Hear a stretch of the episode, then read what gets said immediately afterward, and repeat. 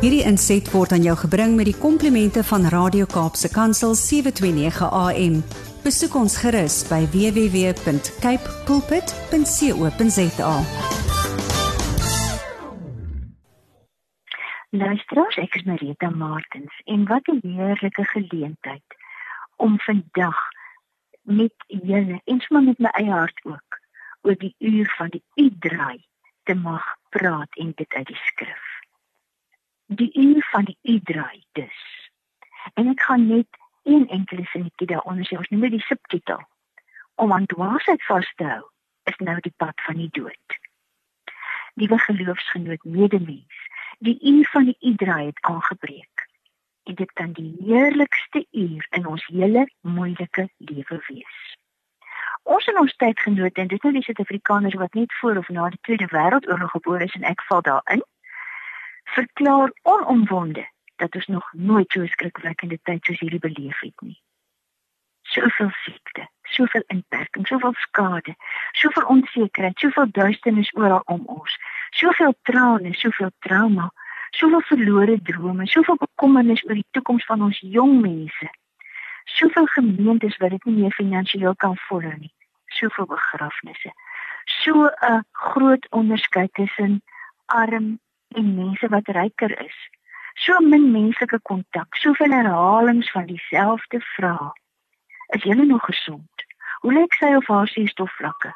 Hoe vaar hy of sy sonder suurstof sonder 'n ventilator? Sal daardie klein saak onderneming ooit weer op die been kom? kan korrupsie en misdaad nog omgekeer word. Daar's soveel kan nie meer. Sport het 'n kan nie meer aktiwiteit geword. Nêrens kan dit soos altyd voortgaan nie. Kyk maar wat gebeur by die Olimpiese spele in Tokio.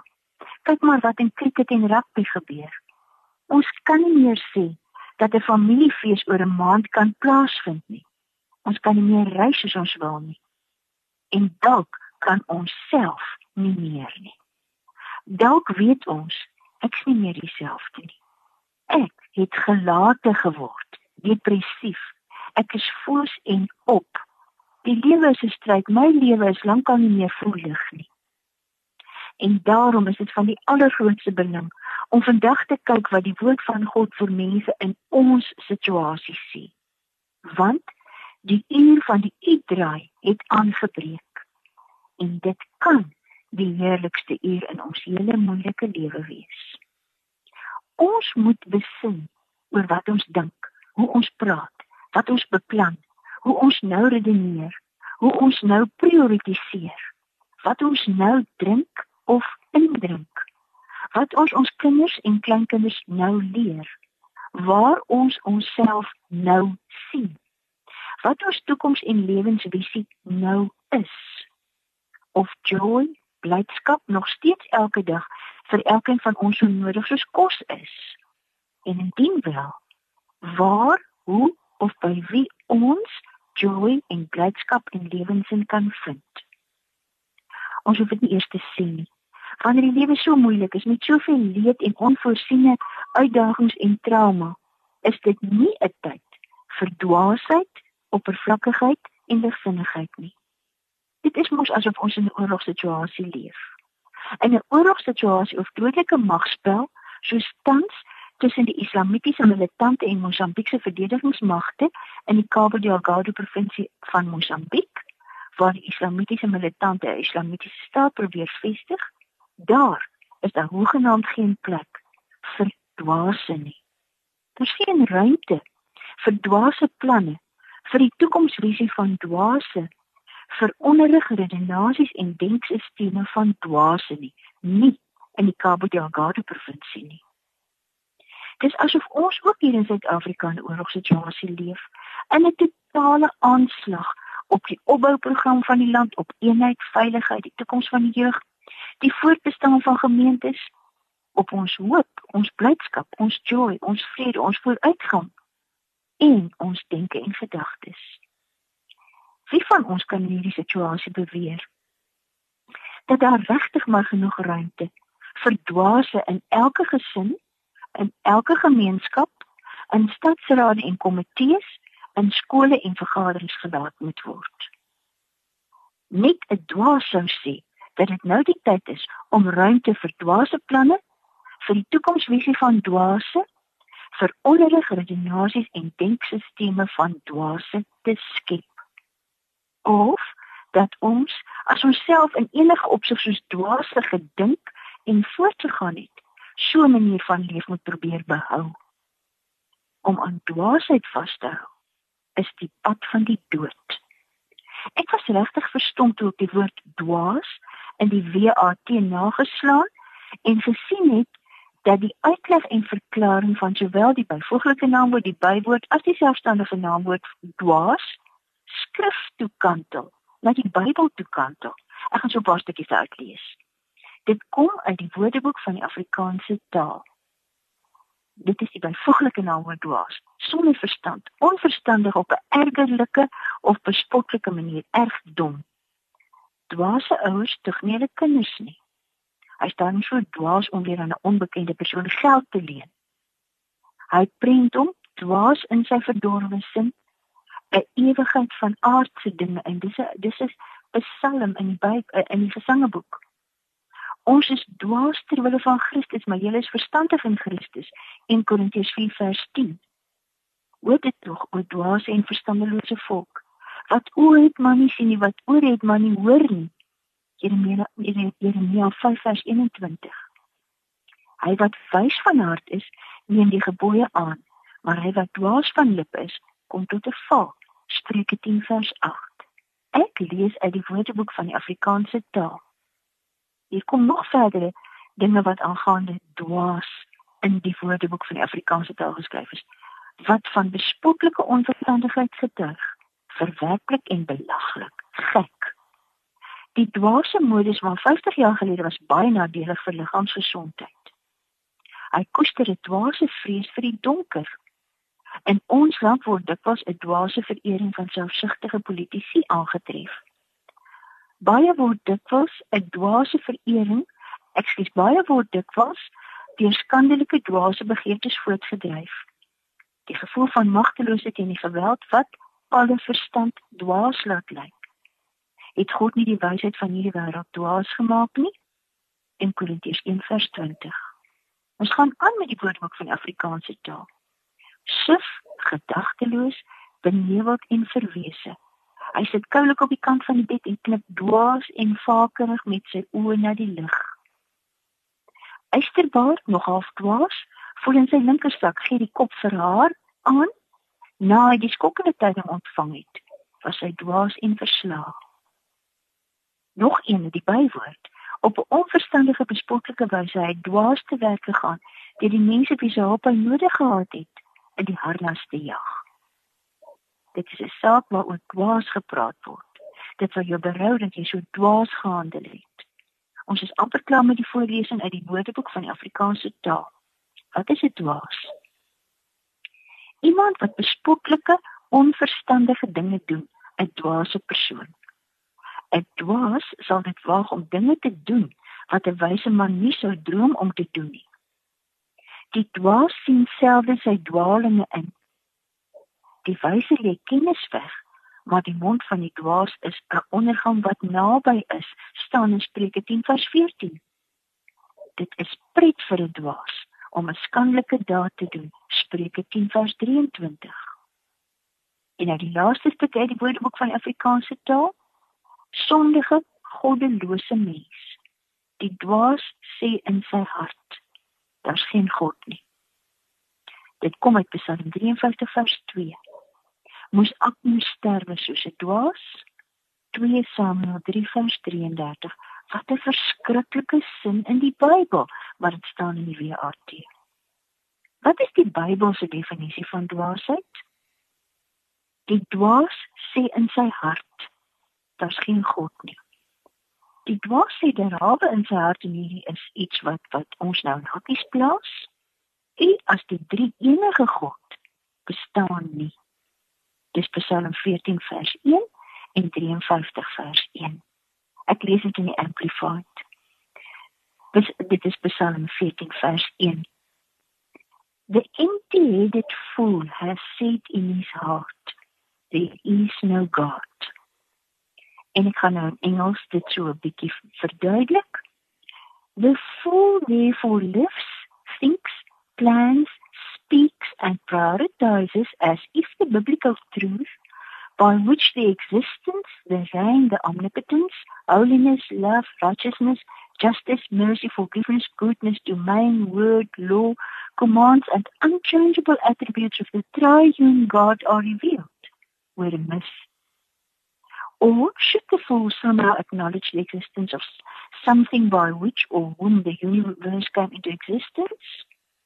To him or her, this primordial power or force is not that of the triune God of the Bible. It is not the triune God of the Bible. Kom ons lees hierdie uh, selfde teksvers Psalm 14 vers 1 ook in die contemporary English version.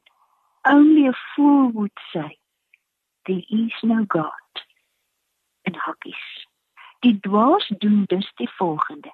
Hy of sy lewe en dink en praat en beplan en redeneer en prioritiseer asof die skrifwaarheid waarin hy bestaan die heerskappy die almag die heiligheid die liefde die geregtigheid die regverdigheid die genade die vergifnis die goedheid die domein die koninkryk die woord die wet die opdragte en onveranderlike eienskappe van die drie enige God geopenbaar word net 'n mite is of indien die dwaas sou toegee dat iets of iemand betrokke was by die ontstaan van die heelal, is die allereerste hierdie primordiale krag volgens die kennis en redenasies van die dwaas, nie die drie-enige God van die Bybel nie.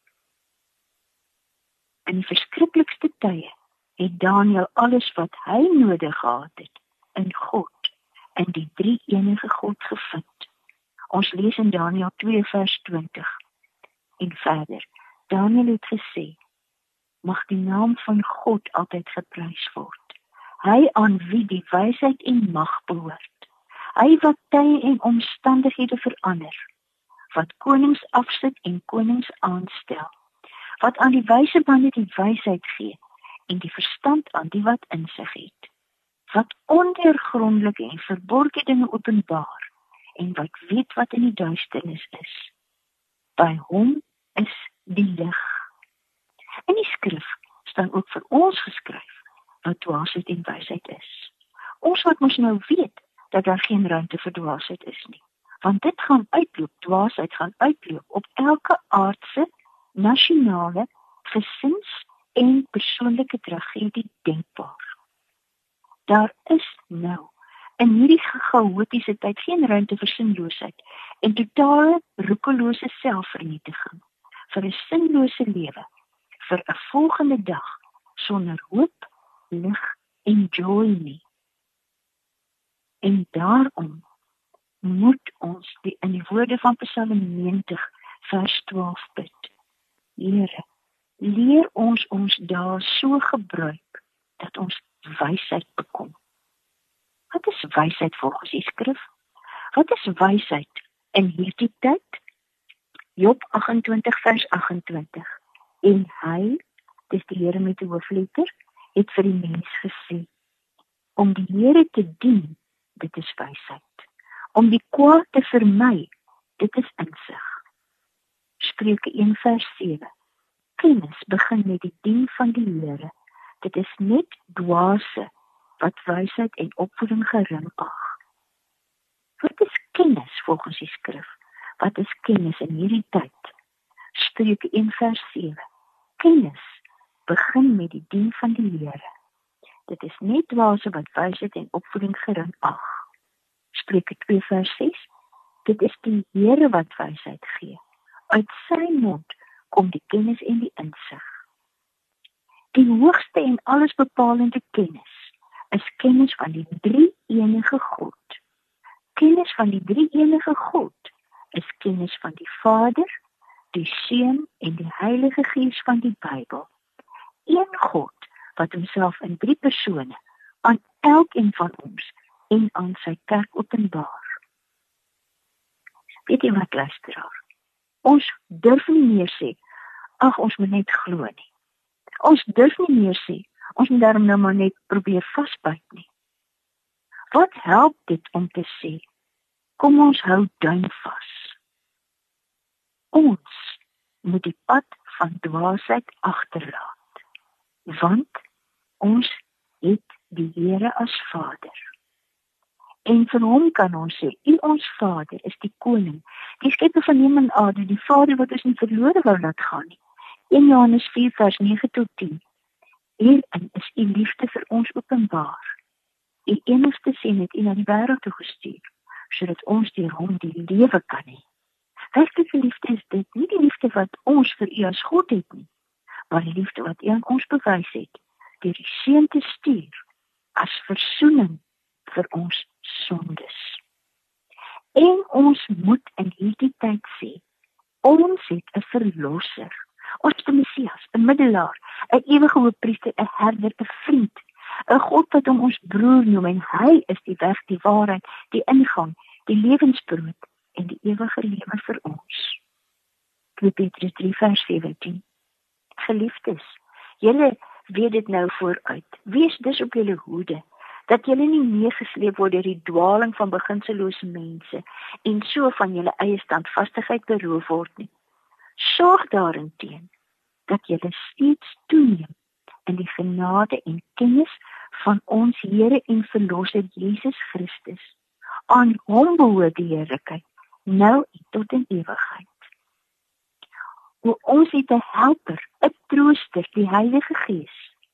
Efesiërs 3:16. Ek bid dat hy deur sy Gees uit die rykdom van sy heerlikheid aan julle die krag sal gee om innerlik sterk te word. Dat Christus deur die geloof in julle harte sal woon en dat julle in die liefde gewortel en gegrond wees sal wees.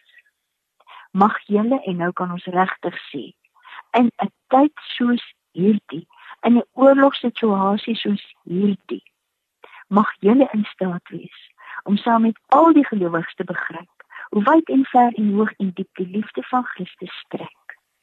Mag julle sy liefde ken. Liefde wat ons verstand te bowe gaan en mag julle heeltemal vervul word met die volheid van God.